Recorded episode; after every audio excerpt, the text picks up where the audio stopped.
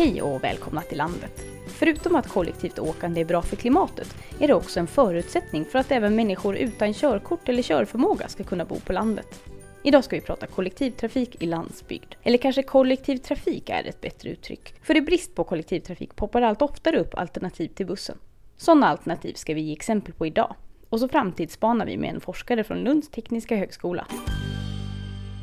Sätten att samordna resorna på är många. Lapp i lanthandeln, skjutsgrupper på Facebook eller via en app. Och i Tolj i Småland utvecklades just en app för mobilsamåkning. Ett koncept som kanske är bland de mest lyckade i landet just nu. Så jag ringde upp Maja Söderberg, en av initiativtagarna. Du kan väl börja med att berätta hur ni fick idén? Privat, för mig och min familj, så hade vi flyttat till Tolj, till landet. Eh, vi hade fått skaffa vår första gemensamma bil. Eh, min man hade faktiskt inte ens körkort när vi flyttade hit. Så vi bör, utan system började vi samåka eh, båda två. Jag var engagerad i vårt sockenråd, liksom byalag.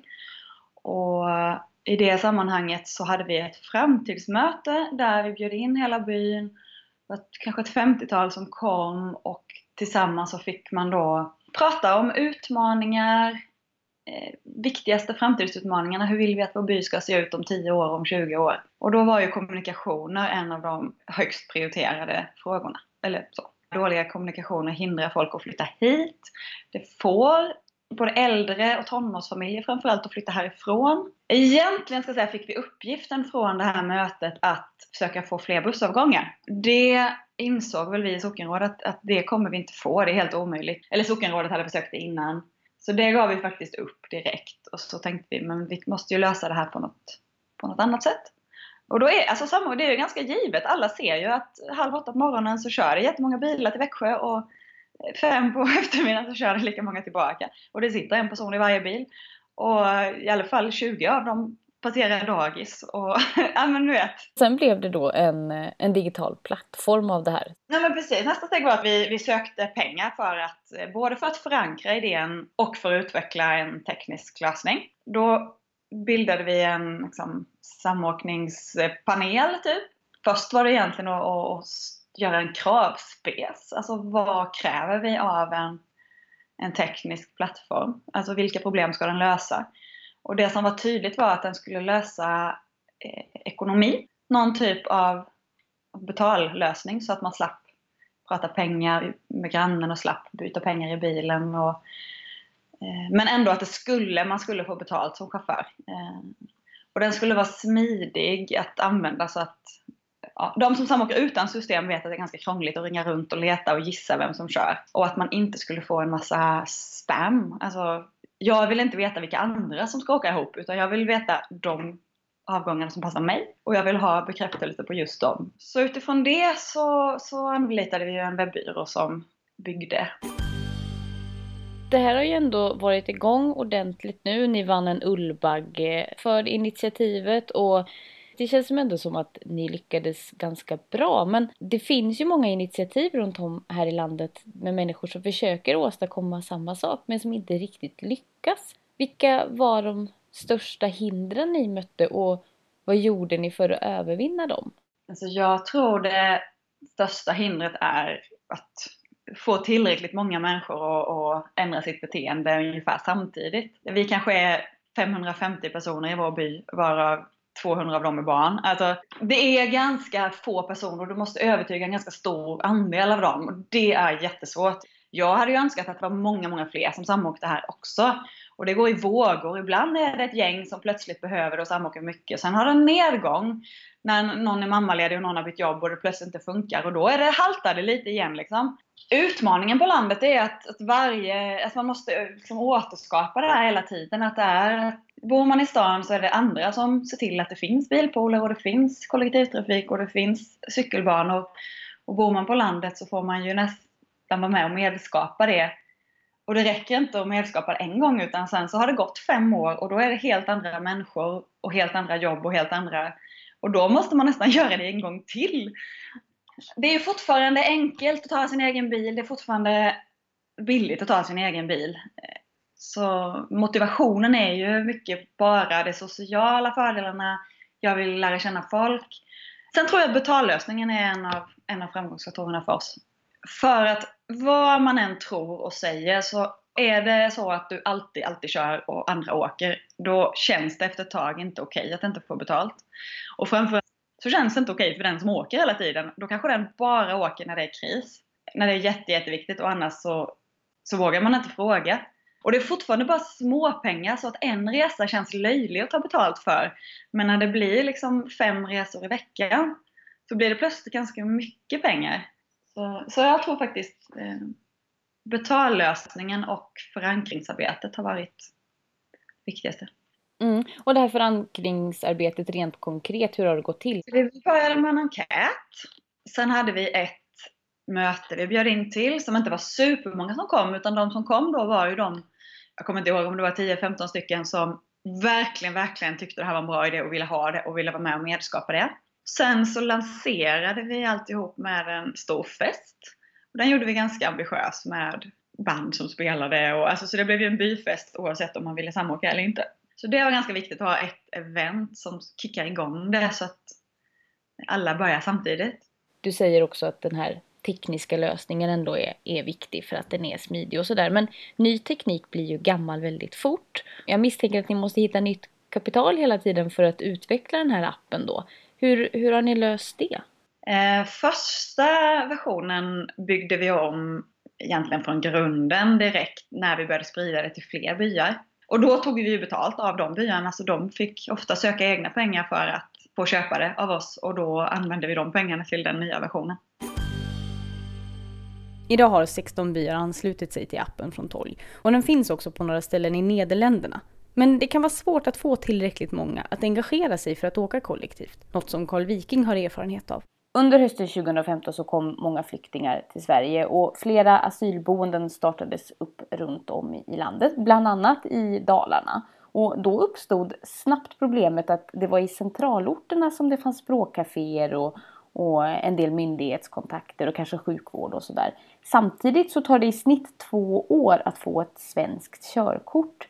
Du började jobba som projektledare på Hela Sverige ska leva Dalarna som hade sett det här problemet och fått en idé. Vad var det för idé de hade fått? 2011 då hade mobilsamåkning 12 då fått pris för årets landsbygdsinnovation. Och då tänkte man att skulle vi inte kunna kombinera det här så att man lättare kan ta sig från förläggningarna ute på, på landsbygden in till centralorten.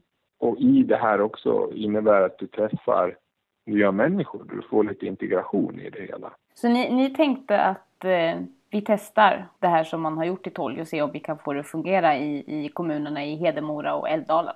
Ja, så skulle man kunna säga. Vad hände sen då? Hur gick det? Nej, men det, det har varit svårt. För behovet finns ju att transportera sig. Sen handlar det om att de som bor i närheten av en flyktingförläggning eller där det bor eh, asylsökande och nyanlända, de ska ju också vara intresserade av att samåka. Vad berodde det på att det inte, att det inte gick att, att riktigt få snurr på? Jag tror generellt så, vi är ganska måna om att ha vår bil så. Eh, sen, sen handlar det om att hitta enkla tekniska lösningar eh, som gör det möjligt eh, att koppla ihop den som vill åka med och den som vill åka. Och gärna där också att, att man ska kunna tjäna en, en liten peng på det hela, eller få en kompensation för det. Men då låter det plötsligt som att det är taxiverksamhet vi pratar om. Ja, det är ju väldigt snårigt det där. Det, du får ta betalt för samåkning, men inte om bla bla bla, bla bla bla, bla bla bla. Eh, då olika villkor som man behöver uppfylla. Eh, om du inte känner varandra, då är det okej. Okay. Jobba tillsammans eh, eller ska till skola, så, då är det okej. Okay. Men det, det är snårigt och det skulle behöva underlätta, röjas upp lite där. Om du skulle sammanfatta då, vad har ni lärt er av projektet? Ja, dels att tänka på helheten, hela trafiksystemet. Jag tror att vi behöver hitta enkla lösningar, eh, digitala lösningar. Det ska vara så enkelt som det bara går eh, att samåka. Så fort det blir hinder, då, då tappar vi personer. Sen måste man fokusera på de, de platser som har störst intresse och så just se till helheten. Det här exemplet eh, från Dalarna kommer ur ett behov för att ortens nyanlända invånare inte skulle tvingas att flytta. Jan Runfors, du representerar Hela Sverige ska leva i landsbygdsnätverkets integrationsgrupp. Hur ser behovet av fungerande kollektiva persontransporter ut för att nyanlända ska kunna etablera sig i Sveriges landsbygder? Ja, det är stort. Vi i Landsbygdsnätverkets integrationsgrupp gjorde en eh, boendeinventering för att se hur mycket bostäder man kunde tillgängliggöra åt utrikesfödda så visade det sig att visst, det kunde man göra men det stora problemet var eh, kollektivtrafiken. De, de behöver ju ta sig till SFI-undervisning, arbetsförmedling, det kunde vara till andra myndigheter också. Så det här är ett problem. Men det här är ett problem som har funnits i landsbygd, på landsbygden en längre tid som en del av bättre servicelösningar helt enkelt för att man ska kunna få en inflyttning. Så det är en jätteviktig fråga. Många nyanlända och sådär har ju inte fått något svenskt körkort än eller har kanske inte ens haft körkort i sitt hemland. Så att det här är en grupp som eh, en dålig kollektivtrafik slår extra hårt mot, eller? Ja, det är absolut en jätteviktig grupp och det framkom under det här projektet också som extremt viktigt. Men det har också kommit fram i andra sammanhang så att vi har vetat om det under en tid. Så jag är väldigt glad över att vi kan titta på det här nu och att det är många andra aktörer förutom oss i Landsbygdsnätverkets medlemsorganisationer så är det eh, Lunds tekniska högskola, Stockholms läns landsting är med i det här på olika sätt. Så det är många olika aktörer som har intresserat sig för det här. Ser det olika ut i olika delar av landet eller är det lika svårt överallt? Eh, det ser nog olika ut i olika delar av landet. I mer tättbefolkade delar av landet så kanske det är enklare. Men det kan man ju se när man åker på de stora vägarna hur folk ändå är liksom bundna av att ha bil. Man kör fram sin bil till den stora vägen och sen tar man bussen in till stan eller till tätorten.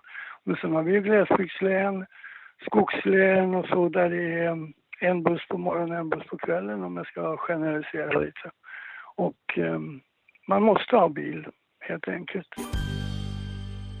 Ja, kollektivtrafik är viktigt för landsbygden. Men nu vänder vi blicken framåt, för det händer en hel del på kollektivtrafiksfronten. Hej Fredrik Pettersson! Du är forskare på Lunds tekniska högskola och forskar på kollektivtrafik. Hej hej, det stämmer bra det ja. Har du några exempel på kreativa kollektivtrafikslösningar som du stött på i din forskning? Kollektivtrafiksektorn har ju inte varit jätteinnovativ och kreativ är väl inte det starkaste kännetecken om man säger så. Men det börjar väl hända en hel del grejer på den senaste, senaste tiden som är intressanta. Det finns ett väldigt tydligt eh, intresse från, från eh, det offentliga att man vill, vill jobba med kollektivtrafiklösningar på olika sätt. Eh, och även då, en ganska tydlig roll för de privata aktörerna här också. Eh, bland annat de stora kollektivtrafikoperatörerna till exempel är väldigt intresserade av eh, nya möjligheter som möjliggörs till exempel av ny teknik.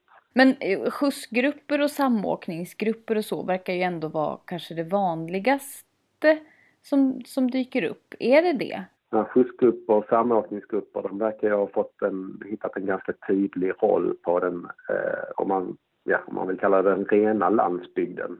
Det finns ju ett stort tryck på eh, olika delar av landet att man vill försöka förbättra den regionala tillgängligheten mellan olika, eh, ja, olika områden i regionen så att säga. Att, att eh, tanken är väl mycket att knyta landsbygd och stad tydligare ihop. Och, eh, där finns ju flera sådana exempel, till exempel här i Skåne eh, där man har jobbat med eh, att utveckla något som kallas regional superbuss konceptet handlar om att kombinera en massa faktorer som gör att bussen, eh, eh busservicen då tillsammans blir en, en mer tåglik upplevelse, är det man har tänkt sig. Bättre bekvämlighet ombord på bussarna till exempel. Sen handlar det även om, till viss del som är väldigt kontroversiellt också, det är att plocka bort hållplatser, vilket för många på landsbygden kan upplevas som eh, att det faktiskt försämrar tillgängligheten. Eh, men tanken med det är ju att man, man eh, så att säga, man, man tänker sig att man koncentrerar servicen mer till några knutpunkter längst, längs sträckan som då får en bättre, bättre service helt enkelt.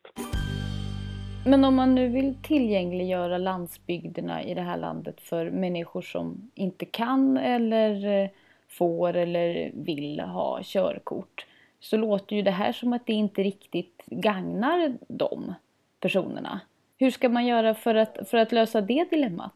Ja, det, det är svårlöst det är det. Och det, det här har ju till exempel skapat eh, ganska mycket debatt här i Skåne där man har pratat om att införa det här på vissa linjer. Då. Jag tror, det här är mer som jag tror, det är inget som jag vet underbyggt av forskning eller så, men en möjlighet kan ju vara, vara det här som man gör då, att man liksom försöker snabba upp linjerna genom att till exempel då plocka bort vissa hållplatser och liknande. Men eventuellt så måste man då komplettera det med någon typ av andra trafik eller liknande som gör att man ändå från andra ställen då som saknar en, eh, en hållplats då att man kan bli körd till en större knutpunkt då så att säga.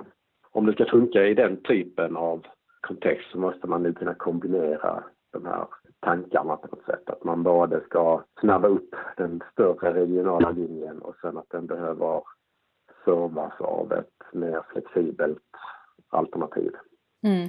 Och att en linje då är snabb, det är helt enkelt för att den ska kunna ses som ett alternativ till bilen. Ja, eh, precis. Man kan säga att det som drev eh, utvecklingen av det här i Skåne var att det var delar av regionen där man insåg att vi kommer aldrig att få en järnväg här, men vi vill ha bättre kollektivtrafik. Och så har man då jobbat mycket med kring, men vad är det då som gör kollektivtrafiken bättre och eh, helst vill man ju ha järnväg, men det är ju som sagt det är väldigt orealistiskt på många platser i, i Sverige förstås. Eh, speciellt med tanke på att många platser kanske inte ens, det är svårt att driva en vanlig busslinje ens en gång där. Så det här, det här kanske är, man kan säga att det här är ju en, eh, en lösning för den landsbygden som ändå är ganska kopplad till eh, större orter eller större städer. Till sist eh, tänkte jag att du skulle få spana lite. Hur reser vi kollektivt i framtiden? Säg om 20 år. Det kollektiva resandet i framtiden. Jag tror att gränserna kommer att suddas ut mycket här kring vad vi anser är kollektivtrafik så att säga. Dels är det liksom den Eh, digitala revolutionen så här med, med eh, möjligheterna som görs med realtidsstyrning och allt möjligt. Och sen är det förstås det som kanske är den största revolutionen på transportområdet handlar ju om självkörande fordon.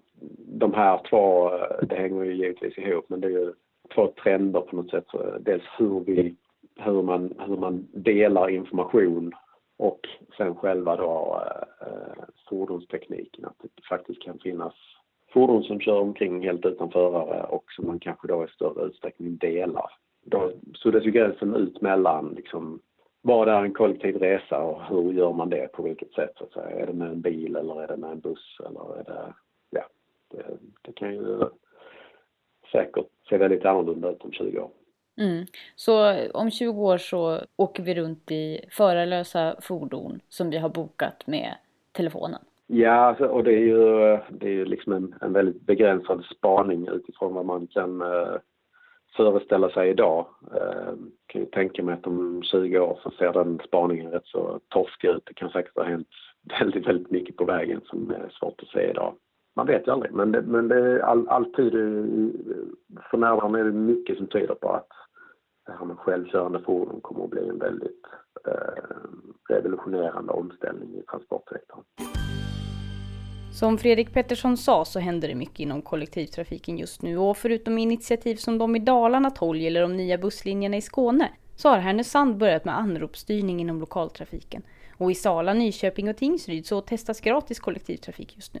Något som på vissa linjer ökat resandet med 200% Med det säger landet tack för den här gången. Jag som producerat heter Ida Lindhagen och vill du veta mer om podden, leta rätt på oss i sociala medier eller gå in på landsbygdsnätverket.se. Vi hörs!